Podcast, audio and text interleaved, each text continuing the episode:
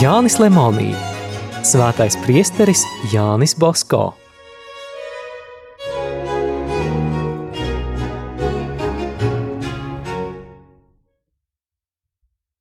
Priestera Paula Kļaviņa priekšvārds latviešu izdevumam. Lasītāju rokās nonāka grāmata par Svēto Jāni Bosko, izcilo 19. gadsimta priesteri. Viņš bija Salesiāņu ordeņa dibinātājs, uzticības persona pāvestiem, karaļiem, valsts vīriem un jo īpaši jauniešiem, kuri viņā atrada tēvu, draugu un audzinātāju. Visnabadzīgākajiem un visvairāk atstātajiem jauniešiem viņš radīja mājīgus dzīves apstākļus un tos audzināja kristīgajos tikumos. Leons 13. bija teicis: Don Bosko, tu esi darījis brīnumus. Tu pats neapzinies, cik plaša ir tava misija un kādu labumu tā nes pasaulē. Svētā Jāņa Bosko misija turpina ne tikai viņa tradīciju glabātāji, salezijāņi, bet ik viens, kas apzinās jauniešu problēmas, meklējumus un cenšas atbildēt uz tiem kristīgā garā.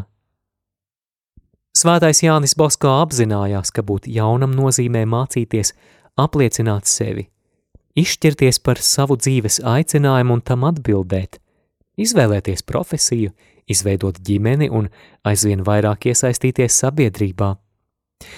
Šajā periodā jaunieši vairāk vai mazāk apzināti uzdot eksistenciāla rakstura jautājumus. Daudzus kāpēc par personisko un sabiedrības dzīvi. Nākotne valstī, sabiedrībā un baznīcā lielā mērā ir atkarīga no šo būtisko jautājumu risināšanas. Jānis Bosko sāka nodarboties ar jauniešiem drīz pēc tam, kad tika iesvētīts par priesteri – 1841. gadā, kad sastapa nabadzīgu bāreni un sāka viņam mācīt katehismu. Sociālās un ekonomiskās pārmaiņas industrializācijas ietekmē sagādāja grūtības daudziem. Nabadzība negāja secen arī Jānim, kas ar to cīnījās, strādājot dažādus arodus. Iegūtā pieredze tika likta lietā. Jaunais priesteris organizēja naktsmītnes bezpajumtniekiem, darbnīcas, lai godīgi varētu nopelnīt iztiku. Skolas bērnu izglītošanai izdeva laikrakstus un ieviesa tādus atpūtas veidus, kas nostiprina dzīvi kristīgo ideālu gaismā. Tēvs Jānis neaizmirsa garīgās prioritātes. Viņš ievadīja jaunu apustuliska garīguma skolu. Viņš veicināja Marijas godināšanu, Lojāli un drosmīgi viņš iestājās par baznīcas vajadzībām attiecībā uz valsti. Arī šodien jaunieši un ģimene kā institūcija piedzīvo dziļu krīzi. Jau vairākus gadu desmitus likumdošana pieļauj laulības šķiršanu un abortus. Pēdējos gados ģimeņu kopību un mīlestību spēcīgi apdraud pornogrāfijas un kontracepcijas vilnis – kurš īpaši netikumu dzelmē ierauj bērnus un jauniešus. Sakas nav tālu jāmeklē. Aizvien izplatās alkoholisms, narkomānija un vardarbība. No otras puses jauniešus apdraud materiālisms, patēriņa kultūra un baudu kults, kurā nav vietas dievam un garīgajām vērtībām. Tomēr tāpat kā vairāk nekā pirms simts gadiem, Jaunieši meklē atbildes un gaida, kad viņus un viņu problēmas kāds ievēros. Atvērties jauniešiem, uzklausīt viņu vajadzības nozīmē atvērt savas sirdis otram cilvēkam un dievam. Svētais Jānis Bosko to spēja, jo mīlēja jauniešus. Viņš izteicās: Tas, ka jūs esat jauni, ir pietiekošs iemesls, lai es jūs ļoti mīlētu. Viņš sekoja Jēzum Kristum, kurš uzlūkoja jauno cilvēku ar mīlestību. Viņš zināja, ka jaunietis meklē atbildi. Ja viņš vai viņa gūst vienīgi kaut ko neatbilstošu viņu iekšējām ilgām pēc dzīves piepildījuma un labklājības, ja viņa atrod otrā cilvēkā nevis drošu atbalstu, bet tikai neskaidrību un šaubas, tad tie turpina iesākto bezcerības ceļu. Jānis Basko deva atbildi, kas pilnībā apmierināja jauniešu sirdis. Tā nebija prāta gudrība, likumu izstrādāšana vai politiskā ideoloģija, tā bija liecība par Kristu, kurš vēlas ar katru jaunieti nodibināt personiskas attiecības.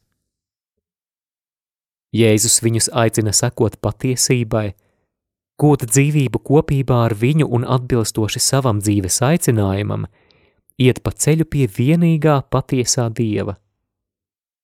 Priesteris Jānis apzinājās, ka patiesības saturs jāsniedz skaidri un bez kompromisiem, atbilstoši vietējiem apstākļiem un jauniešu vajadzībām.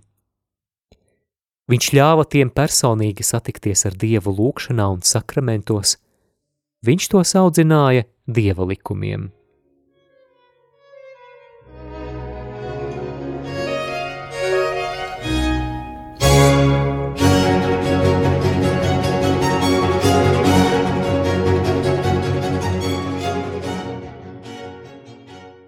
Svētais izmantoja īpašu audzināšanas metodi, kuru sauca par aizsargu sistēmu. Viņš centās paredzēt un izvairīties no visa tā, kas jauniešus negatīvi ietekmētu vai neļautu tiem darboties ar visiem spēkiem.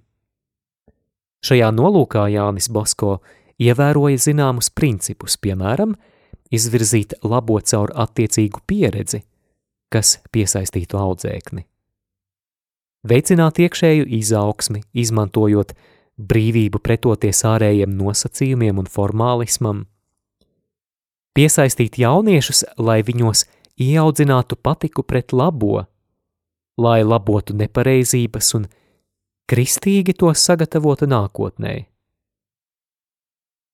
Šādu pieeju nosaka pārliecība, ka ikvienā jaunietī, neraugoties uz viņa izdarībām, ir kaut kas labs ko ar attiecīgu audzināšanu var izlietot ticības un likumības nostiprināšanā. Šīs audzināšanas pamatā ir pastorālā mīlestība, kas liek audzinātājam mīlēt jauno cilvēku jebkurā situācijā, lai vestu to uz pilnību Kristū, lai sniegtu tam apziņu un iespēju dzīvot kā dieva bērnam. Šajā procesā vērā ņemams pats cilvēks, tā kultūra, sociālā vide, vērtību sistēma, pēc kuras cilvēks vadās savā ģimenē, sabiedriskajā un politiskajā dzīvē. Svētais Jānis Bosko apvienoja būtisko un tradicionālo ar mainīgo un vēsturisko, audzinot no labiem kristiešiem godīgus pilsoņus. Bez tam nešķiram ir garīgie ideāli un ticības izaugsme. Lai to sasniegtu, jauniešiem jāizmanto lūkšana, liturģija, sakramenti un garīgā vadība. Jānis Basko balstījās uz savu pieredzi, kuru bija guvis dzīvojot ar Kristu, no kura viņš guva visu nepieciešamo. Patiesas audzinātājs iesaistās jauniešu dzīvē, interesējas par viņu problēmām, cenšas izprast, kā viņi uztver dažādas parādības un kā izmanto brīvo laiku. Kā pieredzējis un atbildīgs draugs, audzinātājs nostāda viņus uz labo darbu ceļa, iesaistās problēmu risināšanā un sagatavo viņus, lai izvērtētu savus spriedumus un uzvedību. Šāds audzinātājs neraugās uz audzēkņiem no augšas, bet kļūst viņiem tēvs, brālis un draugs. Formālu attiecību vietā stājas personiska saikne un mīlestība uz garīgo, skaisto un cēlo, kas visus vieno. Audzināšana tātad nav šķirama no kultūras, un kultūra nav atdalāma no reliģijas. Svētais Jānis Basko sekmīgi darbojās tāpēc, ka spēja integrēt audzināšanu kultūrā un reliģijā. Viņš audzināja cilvēku visu, miesu un dvēseli. Viņš uzskatīja, ka mūsu ticībai un mīlestībai būtu jāpārņem visa mūsu darbība. Būt par kristieti nozīmē ikdienas īstenot savā dzīvē vispārējo aicinājumu uz svētumu.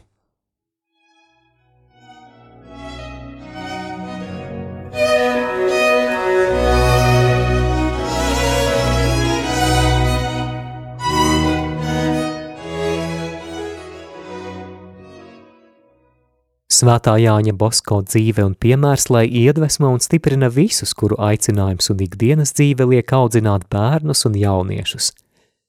Priesteriem, kuri ir garīgie tēvi tiem, kuriem bieži nav tēvu savā ģimenē, katehētiem un katoļticīgajiem skolotājiem, kuri māca ticības patiesības.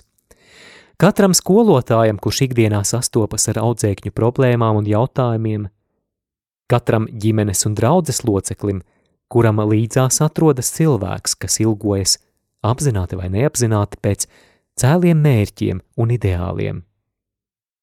Lai šī grāmata pievērš lasītāju uzmanību jauniešu problēmām, kuras nedrīkst atstāt novārtā lai svētais Jānis Bosko mūs mudina kalpot jauniešiem tā, lai viņi sastaptu Kristu, kas ir vienīgais dzīves piepildījums un laime. Priesteris Pauls Kļaviņš.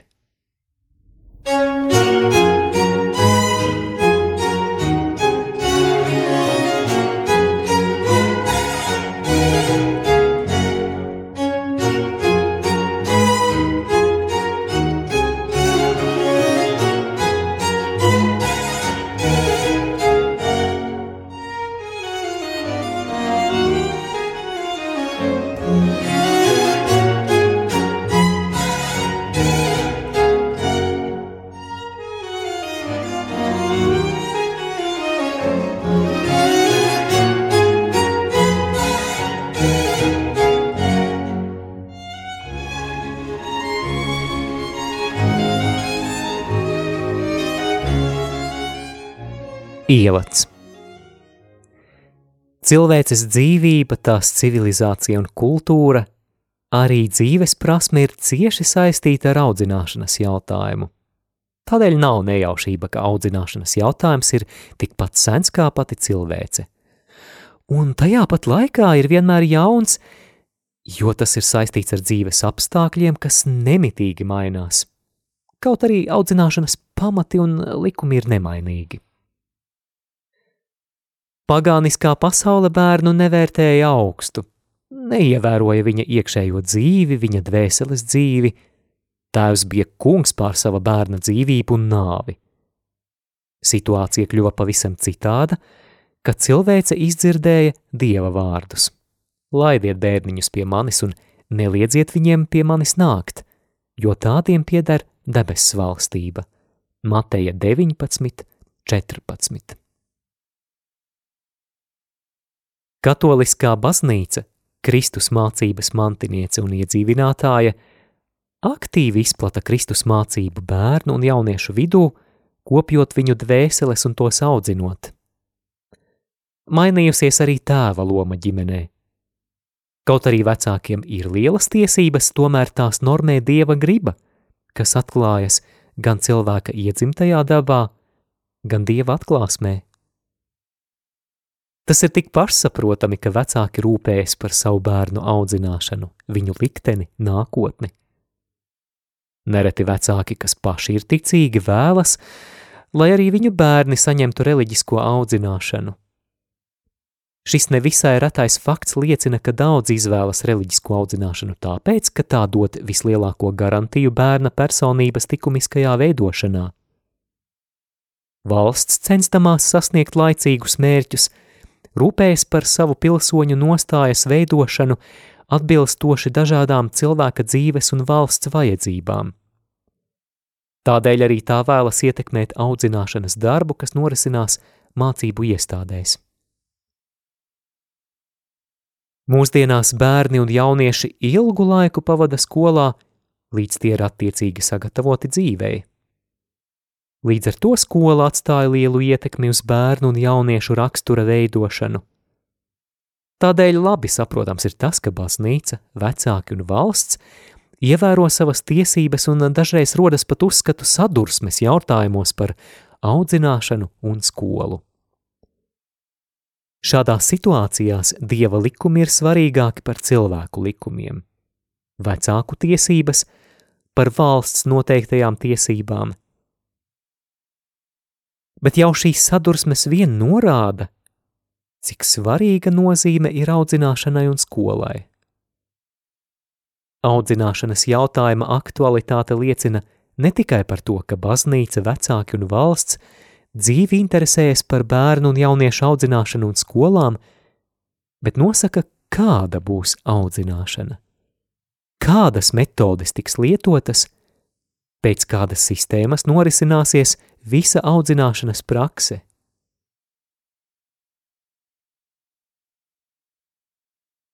Tur, kur Kristus mācības gaismu un siltumu nepazīst, audzināšana ir tikai cilvēciska. Tur neatradīsies vietas reliģijai, dieva žēlastībai, dieva visvarenībai, gudrībai, labestībai. Tur cilvēki dzīvo tikai ar savu spēku.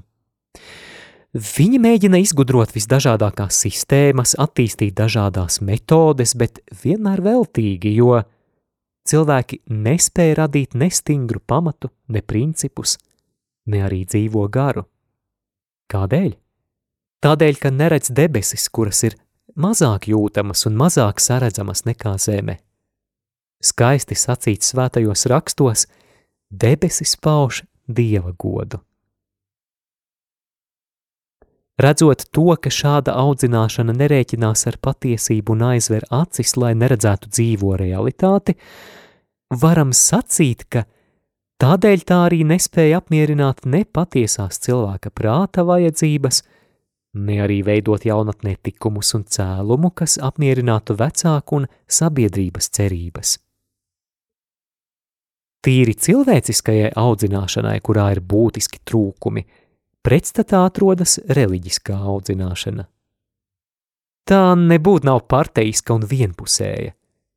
Tā rēķinās ar dieva spēku.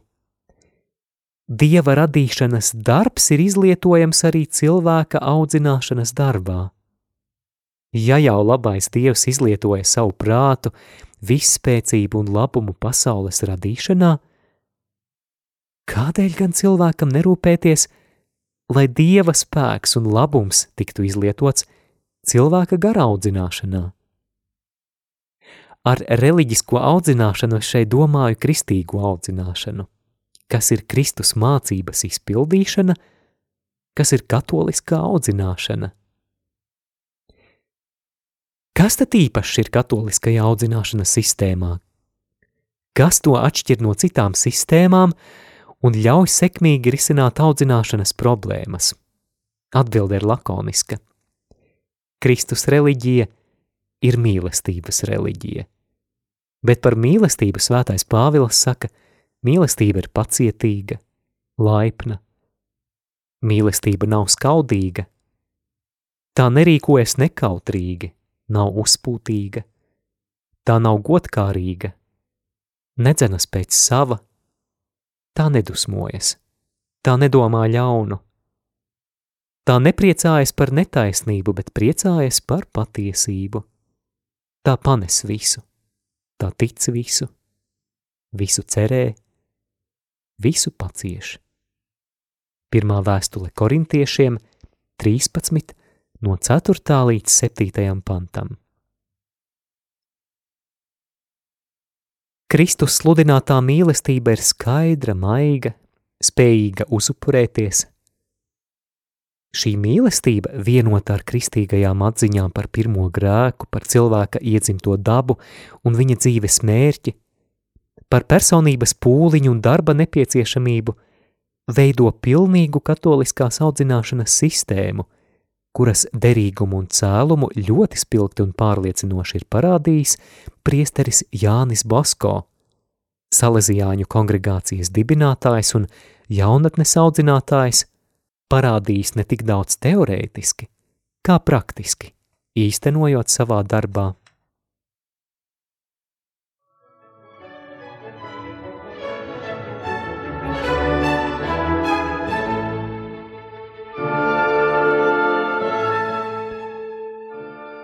Audzināšanas darbs vispār ir ļoti grūts un sarežģīts. Taču īpaši grūts un sarežģīts tas ir novārtā pamesto pilsētas jauniešu un bāriņu vidū. Pilsētā ir specifiski demoralizējoši apstākļi, kuri audzinātājam jāuzvar. Šāda uzvara ir iespējama katoliskās audzināšanas sistēmā, kurā audzinātājs nav tikai savs priekšmeta skolotājs, kas pavēl citiem strādāt, bet gan tāds, kas pats ar savu personisko paraugu ietekmīgi runā uz audzināmā dvēseli. Ne tikai svinīgi pamācot un pavēlot, ne tikai ietekmējot, bet arī aizrautīgi līdzdarbojoties Dieva žēlastībai. Ikvienam laikmetam cilvēces vēsturē bijušas savas īpašas prasības. Tas jāievēro arī katoļu pedagoģijai. Katoliskās audzināšanas sistēma ir pielāgojusies mūsdienu vajadzībām. Tas sevišķi spilgti vērojams Svētā Jāņa Bosko dibinātajās skolās un iestādēs. Nav nejaušība, ka visi, kam rūp katoliskā audzināšana, pievērš savu uzmanību salesiāņu darbībai. Priesteris Jānis Bosko nepiemirsa, ka bez dieva žēlastības ir vēl vajadzīga arī cilvēka sadarbība ar šo žēlastību. Tādēļ viņš centās apvienot un izlietot labā dieva doto, iedzimto ar paša dzīvē iegūto. Priesteris Bosko kā audzinātājs prata strādāt radoši, savienot dabiskos un pārdabiskos līdzekļus, lūkšanu un darbību, uzraudzību un pozitīvos personiskos dotumus, vārdus un paraugu. To visu viņš prata sekmīgi izlietot, audzinot jauniešus. Par salīdzjāņu darba sekmēm ir daudz liecību. Kontrafaktum non valet argumentum. Pret faktiem nav argumentu. Paši rezultāti pierāda, ka audzināšanas jautājumu var ļoti sekmīgi risināt kristietības garā. Audzināšanas problēmas atrisināšana, vadoties no katoliskiem principiem, priesteri Jāņa Bosko personībai mūsdienās piešķir īpašu nozīmi.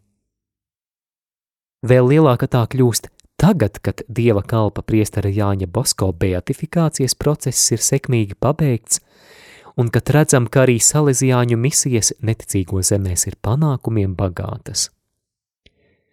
Tāpēc no sirds var priecāties, ka godājamais priesteris Lemonī, Jāņa Basko bijušais sekretārs, apkopojot daudz vēsturisku materiālu, labi pazīdams salīdzjāņu dibinātāja dvēseli, uzrakstījis viņa dzīves stāstu, tādējādi iepazīstinot ar vienu no mūsdienu izcilākajām personībām lai Dievs dod, ka Jāņa Bosko gars aizdegtu arī lasītāju sirdis, un viņi savā dzīvē un darbā sekotu svētā priestera cildenajam paraugam. 1929. gada 30. aprīlī.